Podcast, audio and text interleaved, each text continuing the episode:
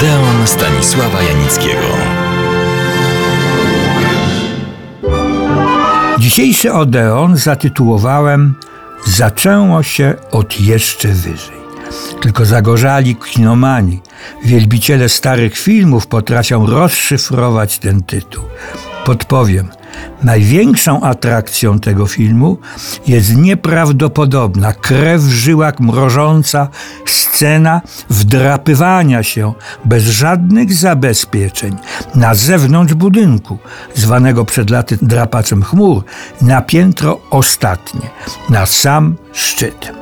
Bohaterem tego wyczynu jest młody mężczyzna, schludnie ubrany w letni, świetnie skrojony garnitur, bez cienia uśmiechu na twarzy, a nie jest to Buster Keaton, z wielkimi drucianymi okularami na nosie i słomkowym kapeluszem na głowie.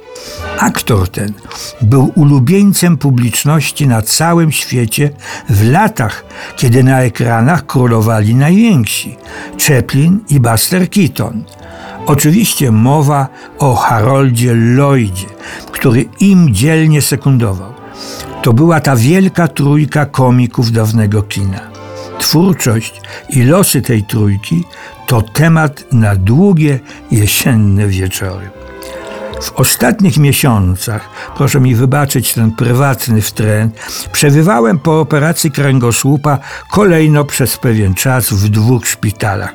Życie szpitalne, jak Państwo wiecie, ma swoje określone zasady, rygory, które trzeba zrozumieć i nim się podporządkować. Ja na takie sytuacje jestem przygotowany, więc zabezpieczyłem się w odpowiedni sprzęt, to znaczy książki, laptop i smartfon.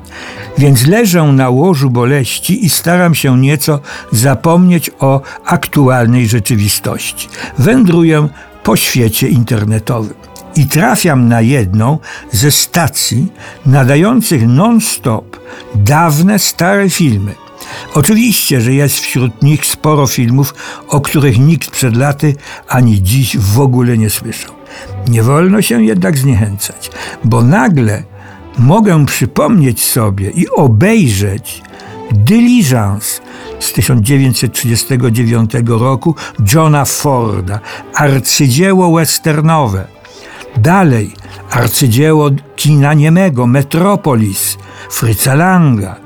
Pierwsze i nie tylko filmy Alfreda Hitchcocka, Czarnego Pirata z Douglasem Fairbanksem, Gorączkę Złota Czeplina, Generała Keatona, Spotkanie Dawida Lina, Okrut Allaha naszego rodaka Ryszarda Bolesławskiego z samą Marleną Dietrich, a także złamaną Lilię, klasyka kina Davida Worka Gryfisa z Lilian Gish.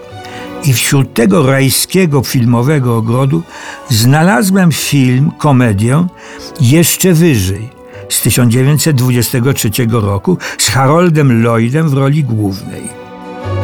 Główną scenę, tak często reprodukowaną, rzecz jasna znałem, ale jako żywo nie wiedziałem, dlaczego on się wspina po tym drapaczu chmur. Film jeszcze wyżej zaczyna się na tak zwanej głuchej prowincji. Para młodych z trudem wiąże koniec z końcem, więc on postanawia, że ruszy do miasta, bo tam są lepsze warunki pracy i życia. Co postanowił, to też zrobił, choć okazało się, że w dużym mieście też się nikomu nie przelewa. Przeżywa on ciężkie chwile, kiedy pracuje w dużym domu towarowym w stoisku, którego klientelę stanowią wyłącznie kobiety. Odbywają się tam dantejskie sceny, jako że kobiety nie przebierają w środkach, żeby zdobyć to, czego zapragnęły.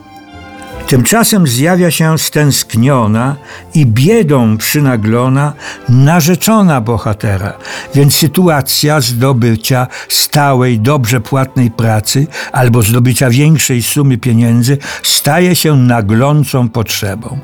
Ogłoszony zostaje konkurs na zewnętrzne wejście na ostatnie piętro tego drapacza chmur za tysiąc dolarów, ale dawnych, nie dzisiejszych. Nasz bohater do takiej eskapady się nie nadaje ale ma on przyjaciela, zawodowego wspinacza i ten podejmuje się w zakamuflowaniu wejść na platformę dachową. Niestety, jak to w komediach i życiu bywa, ów przyjaciel nabroił, wchodząc w konflikt z prawem i poszukiwany jest przez policję, która już trafiła na jego trop. Cały dowcip polega na tym, że nasz przyjaciel nie może naszego bohatera wyręczyć, bo policjanci już dosłownie są na jego tropie. I tak nasz bohater, chcąc nie chcąc, wspina się po budynku coraz wyżej. Wszystko kończy się oczywiście happy endem.